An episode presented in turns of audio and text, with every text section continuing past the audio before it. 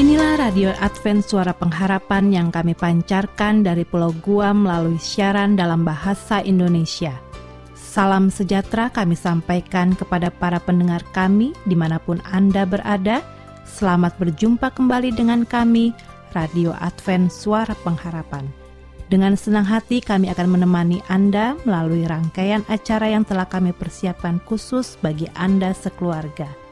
Harapan kami, semoga siaran ini dapat bermanfaat dan menjadi berkat bagi Anda semuanya. Selamat mengikuti dan selamat mendengarkan.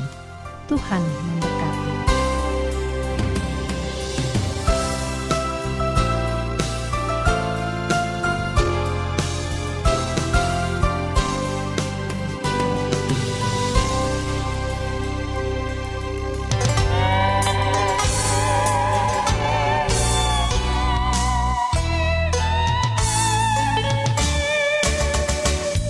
Pendengar Radio Advent Suara Pengharapan yang berbahagia, Ruang Remaja dan Orang Muda, kembali kami hadirkan untuk Anda saat ini. Acara ini akan membahas berbagai informasi seputar masalah remaja dan orang muda. Akan dikupas dalam acara ini. Dengan diasuh oleh Kak David Mamora sebagai seorang pendidik yang mengandalkan Tuhan, para remaja dan orang muda akan diajak untuk mau dibentuk menjadi manusia yang berkualitas sesuai kehendak Allah. Namun sebelumnya, kami akan hadirkan satu lagu pujian untuk Anda. Semoga lagu ini bisa menghibur Anda. Selamat mendengarkan.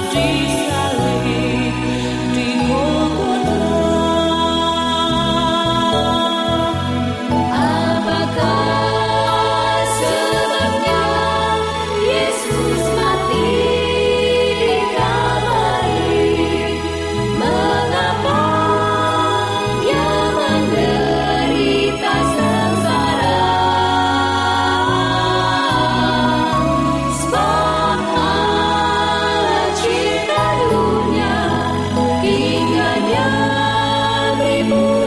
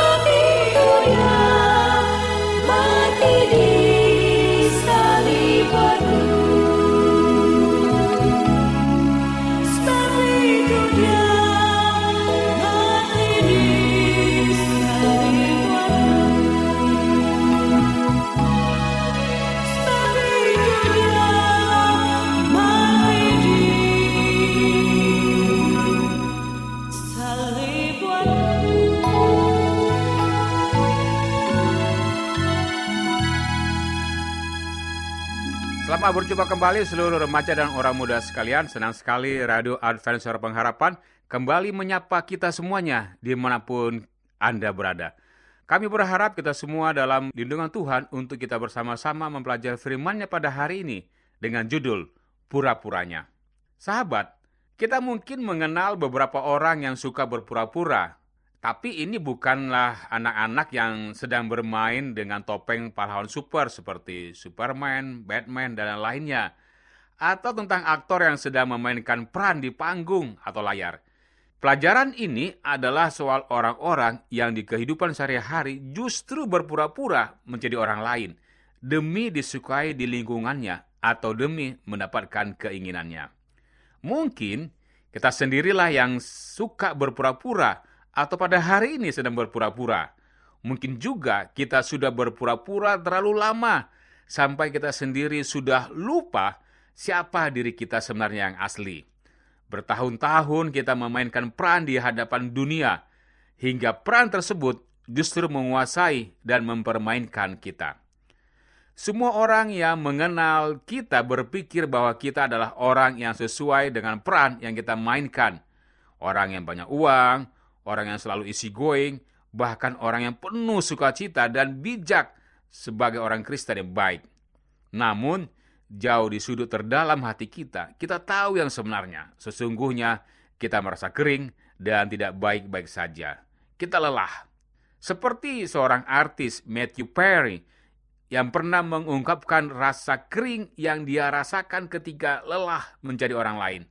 Dia adalah seorang aktor asal Amerika yang terkenal lewat peran Kendall Bing yang dia mainkan di serial komedi populer di era tahun 90-an yaitu Friends. Peran Kendall adalah karakter fiksi yang terkenal karena membawa keceriaan untuk setiap penonton. Apalagi kepiawaian Matthew Perry dalam merangkai humor dan gerak tubuh yang jenaka menjadikan karakter Kendall adalah ikonik dan sangat mendunia. Sayangnya, dia merasa kering bukan karena lelah berakting memerankan Kendall, tetapi adalah karena terbebani oleh tuntutan untuk selalu menyenangkan orang lain. Ada dua alasan umum mengapa manusia ingin menjadi orang lain. Yang pertama adalah kadang kita terjebak di dalam keinginan untuk selalu menyenangkan orang lain. Ini adalah jebakan yang berbahaya. Karena kita ingin memenuhi ekspektasi orang lain, sampai kita rela mengorbankan diri kita untuk mengikuti keinginan orang tersebut. Sebenarnya, Alkitab telah memperingati kita tentang hal ini. Di dalam buku Amsal 29 ayat 25 seperti ini. Takut akan pendapat orang mengakibatkan kesusahan. Percayalah kepada Tuhan, maka engkau akan aman. Remaja dan orang muda sekalian, kita juga bisa membaca apa yang Paulus pesankan kepada kita, kepada jemaat di Galatia, bahwa membuat orang lain senang dan menyenangkan Tuhan adalah hal yang sangat bertolak belakang. Itu terdapat di dalam Galatia 1 ayat 10. Dan remaja dan orang muda sekalian, alasan kedua yang perlu kita ketahui adalah bahwa yang membuat manusia ingin menjadi orang lain adalah terjebak di dalam sikap perfeksionis. Idealisme untuk harus tampil sempurna agar dapat dikasihi atau dihormati. Masalahnya, kita tahu pasti bahwa kita tidak bisa menjadi sempurna, sehingga kesempurnaan itu kita tampilkan dengan berpura-pura. Nah, sekarang apa jalan keluarnya? Belajar dari Matthew Perry dan juga eh, kisah kaum Farisi di zaman Yesus, selalu ada yang dirugikan ketika kita berpura-pura menjadi orang lain, entah diri kita ataupun orang lain. Selain itu, yang bisa kita lakukan untuk keluar dari jebakan kepura-puraan adalah berhentilah. Kemudian kita berfokus pada diri sendiri, agar kita tidak lagi terlalu pusing dengan pandangan orang lain atas diri kita. Salah satu caranya adalah melayani orang lain. Kita bisa membaca firman Tuhan yang terdapat di dalam Filipi 2 ayat 1 sampai 4. Pelayanan selain merupakan bentuk ucapan syukur kita akan kebaikan Tuhan, juga adalah salah satu cara paling efektif untuk melatih diri kita menjadi rendah hati. Kerendahan hati akan membuat kita menerima diri kita apa adanya dan tidak lagi merasa perlu memaksa diri untuk selalu tampil sempurna. Demikian pelajaran kita pada hari ini, semoga menjadi perhatian kita semua. Terima kasih.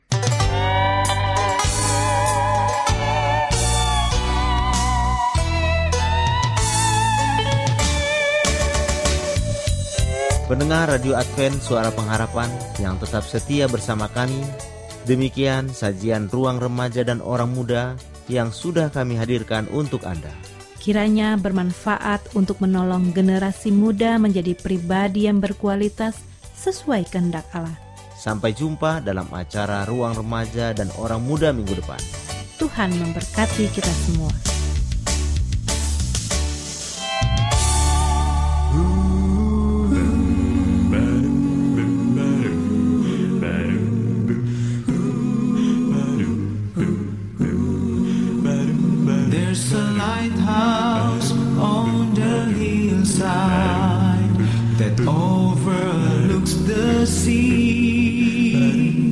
When I'm toast, it sends out light, a light that I might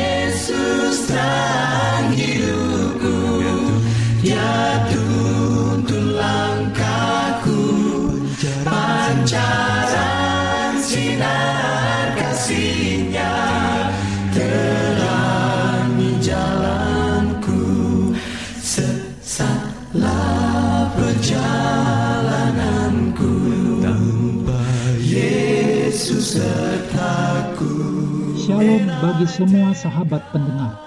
Kabar baik bahwa kisah dan kesaksian terkait siaran dan pelayanan AWR Indonesia kini dapat diikuti secara berkala, baik melalui siaran harian Radio Advent Suara Pengharapan setiap minggu kedua dan keempat, juga melalui YouTube dan Facebook AWR Indonesia.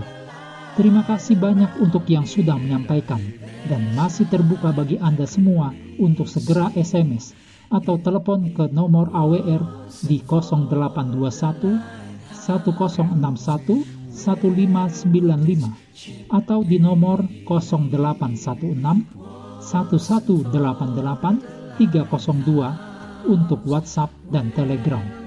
Kami tetap menunggu dukungan Anda. Selanjutnya marilah kita mengikuti mimbar suara pengharapan.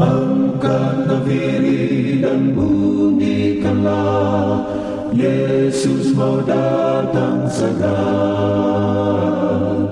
Nyanyi musafir dan pujikanlah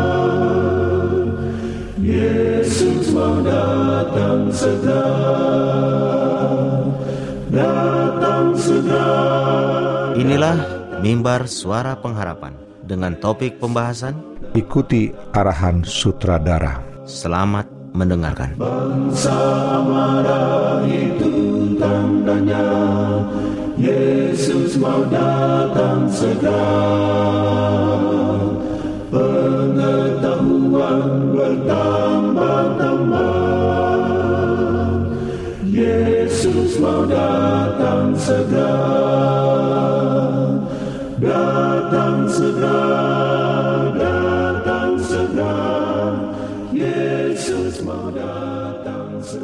Salam saudaraku yang diberkati Tuhan. Kita bersyukur saat ini diberikan kesempatan untuk mendengarkan firman Tuhan bersama saya Pendeta Togar Simanjuntak dengan judul pembahasan kita Ikuti Arahan Sutradara. Saudara-saudara, dalam keadaan sehari-hari kita sering bertindak sebagai sutradara untuk diri kita sendiri. Saya yakin itu. Saudara akan selalu bertindak untuk melakukan sesuatu sebagai sutradara untuk diri sendiri, bahkan untuk orang lain juga Anda lakukan. Dalam kejadian 50 ayat 20 dikatakan, tetapi Allah telah mereka-rekahnya untuk kebaikan dengan maksud melakukan seperti yang terjadi sekarang ini, yakni memelihara hidup suatu bangsa yang besar. Nah Allah adalah sutradara agung, saudara yang mengetahui sesuatu yang terbaik bagi kita di masa yang akan datang. Tidak ada apa pun di dunia ini yang bisa mempengaruhi apabila Allah sudah bertindak. Ya, dikatakan tidak ada yang bisa mempengaruhi. Jika Anda melihat akan pembuatan suatu film, ya, maka Anda perhatikan bagaimana sutradara bertindak untuk mengarahkan semua perjalanan atau para kru ataupun artisnya, aktornya segala macam mereka lakukan. Dan dikatakan sebuah film tidak akan bisa lepas dari faktor sutradara yang sangat dominan. Memang dikatakan sutradara tidak terlihat di layar kaca, tetapi baik atau jeleknya film itu tergantung pada sang sutradara. Mengapa? Sutradara punya gambar besar film secara keseluruhan. Dia tahu akan keadaan di mana dia berada. Dia tahu apa yang akan terjadi. Dia tahu yang mana akan dilakukan. Dia tahu apa yang ke mana arahnya film tersebut. Sementara para aktor dan aktris hanya bisa menjalankan perannya dari adegan yang satu ke adegan yang lain. Terkadang para bintang itu bisa memahami keseluruhan gambar besar film itu. Mereka yang tidak diminta untuk memahami gambar besar itu secara keseluruhan dari awal sampai akhir, secara detail. Sebaliknya, mereka hanya diminta menurut arahan sutradara dan menjalankan perannya sangat baik. Lalu ketika adegan-adegan yang saling lepas itu sambung-sambung menyambung, barulah akan membentuk film yang indah dan bagus. Di sinilah peran sutradara saudaraku yang menentukan ke manakah perjalanan film itu dari awal hingga akhirnya. Seperti itu yang terjadi pada Yusuf. Jalan cerita Yusuf sepenuhnya ada tangan Tuhan. Yusuf tidak tahu ke mana dia melangkah. Yang dia tahu dia adalah dia datang mengikuti akan perintah bapaknya dan melakukan apa perintah bapaknya itu dan hidupnya. Dan dia antar makanan di jeblos saudaranya di dalam sumur atau dijual, dia juga tidak tahu itu baga bagaimana bisa terjadi. Nah, saudaraku, Yusuf kehidupannya di tangan Tuhan, sang saudara yang agung. Lalu Tuhan sudah tahu apa gambar besar kehidupan Yusuf yang Tuhan akan datang. Sementara saat itu mungkin saya Yusuf itu kesulitan untuk memahami rencana Tuhan dalam hidupnya. Bagaimana dia di penjara, lalu kemudian dia melakukan penderitaan, tapi dia tidak mengerti. Yang tahu bahwa dia adalah kehidupan di tangan Tuhan. Dan dia pun tidak perlu untuk bertanya-tanya lebih dalam. Yang penting Tuhan bertindak bagi dia sebagai sutradara, sutradara yang hidup. Lalu katanya ketika menerima mimpi yang luar biasa, bukannya diangkat, tapi Yusuf malah mengalami keterpurukan. Babak demi babak, kehidupannya sulit untuk dia dipahami. Namun dia cerita, baru terlihat gambar besar rancangan Tuhan dalam kehidupan Yusuf. Kehidupan yang kita jalani juga seperti itu, saudaraku. Terang kita sulit memahami gambar besar rancangan Tuhan dalam kita. Lalu soal gambar besar serahkannya itu kepada Tuhan. Dia yang mengerti dan memahami. Sebab Tuhan yang merancangnya. Bagian kita adalah mengikuti arah Tuhan dan menjalani kehidupan sebaik-baiknya seperti yang dia mau. Ada waktunya kita sulit memahami adegan atau babak besar itu. Mengapa begini? Mengapa begitu? Kenapa terjadi begini? Kenapa terjadi begitu? Itu jadi pertanyaan dalam hidup kita. Nah di saat kita mengalami babak-babak kehidupan yang menyedihkan, jangan menjadi putus asa. Ingatlah bahwa itu hanya bagian dari gambar besar, bukan gambar besar itu sendiri. Hanya bagian, bisa bagian kecil. Tapi Tuhan sudah merancang itu akan disatukan bagian demi bagian menjadi satu kehidupan yang besar. Bukankah film yang bagus tidak boleh datar-datar saja? Jadi mengapa harus takut menghadapi masa sulit selama kita berada dalam arang sang sutradara? Nah, saudaraku, jika Anda melihat sebuah film, ada ada hal tertentu, adegan-adegan tertentu, komunikasi tertentu yang membuat kadang kita deg-degan, was-was, ataupun rasanya bagaimana terjadi ini? Ke mana akibatnya ini? Kenapa sebegini ya? Kenapa ada penderitaan begitu? Banyak pertanyaan kita munculkan. Tapi setelah di akhir film itu terjadi selesai, kita baru mengerti, oh inilah maksudnya arahan sutradara itu. Ya, arahan sutradara yang memberikan suatu kepastian, jaminan bahwa kehidupan itu sudah ada yang merancang. Nah, demikian justru aku hidup kita itu.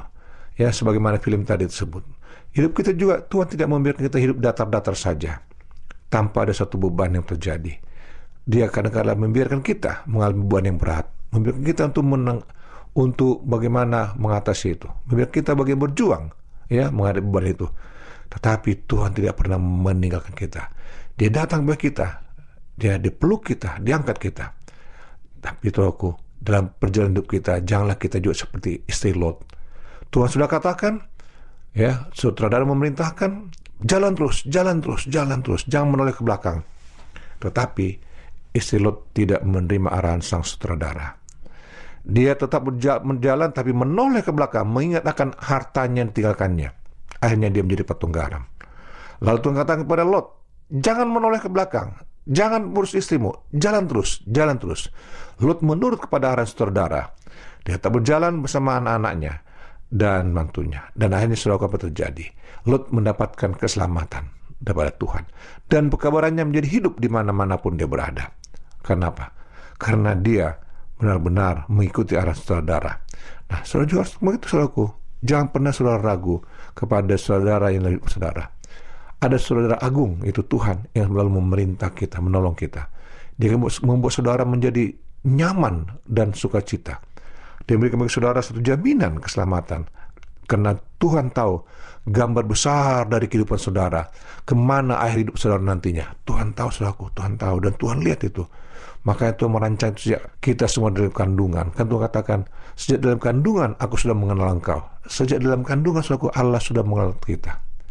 Jadi kita nggak apa yang masih ragu saudaraku. Jangan takut. Jangan jangan ragu saudaraku. Sejak dalam kandungan Tuhan sudah mengenal kita. Dan lo katakan bahwa Tuhan akan memimpin kita selalu. Menolong kita. Melakukan apa yang sesuai dengan perintahnya. Lakukan saudaraku. Jangan ragu. Karena saat saudara ragu, maka satu juga setan akan bekerja bagi saudara. Dia akan membuat saudara hilang, membuat saudara jadi jatuh jauh pada Tuhan, merasa sudah punya kemampuan. Dan yang lebih serunya saudara setan membuat saudara mengatakan, saya mampu kok, saya mampu kok, saya bisa. Saya nggak perlu arahan surat sutradara, nggak perlu. Saya sanggup melakukan itu, nggak perlu ada sutradara mengarah. Dan itulah saudara cikal bakal kita menjadi jatuh dan kemudian jatuh hilang di hadapan Tuhan. Kenapa? Kita merasa punya kemampuan. Kita merasa tidak perlu saudara itu, tidak merasa perlu untuk uh, tanggung jawab kita kepada Tuhan.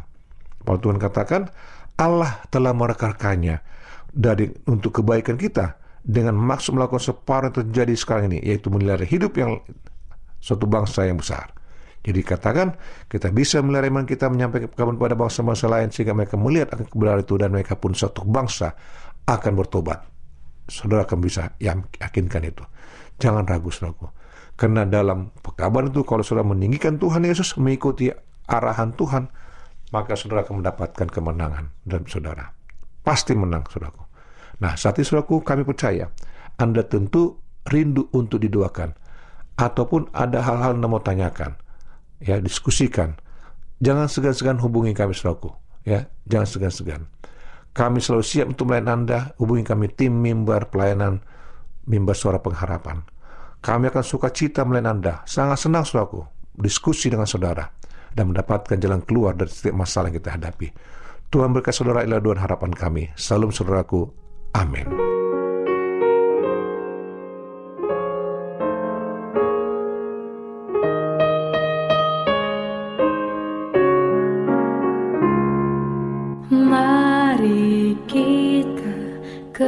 Bagi Tuhan, kerja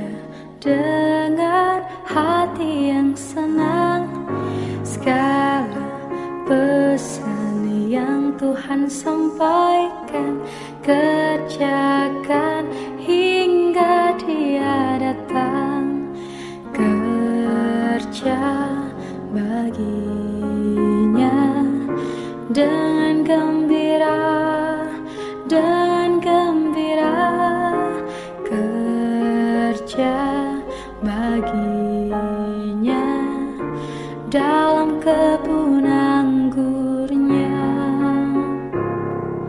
Mari kita ceritakan kasihnya pada semua. Demikianlah rangkaian acara yang dapat kami persembahkan hari ini. Dan apabila Anda mempunyai pertanyaan atau ingin mendapat pelajaran Alkitab penemuan baru, silakan menghubungi kami dengan cara mengirimkan surat ke alamat Radio Advent Suara Pengharapan, PO Box 8090, Jakarta 12810 Indonesia.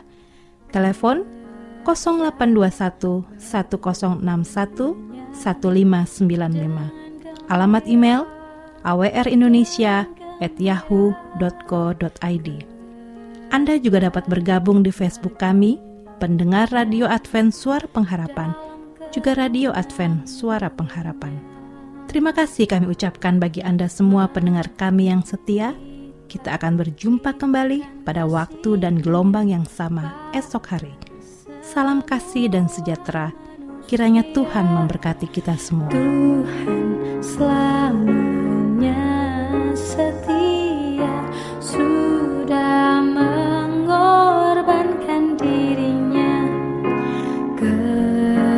kerja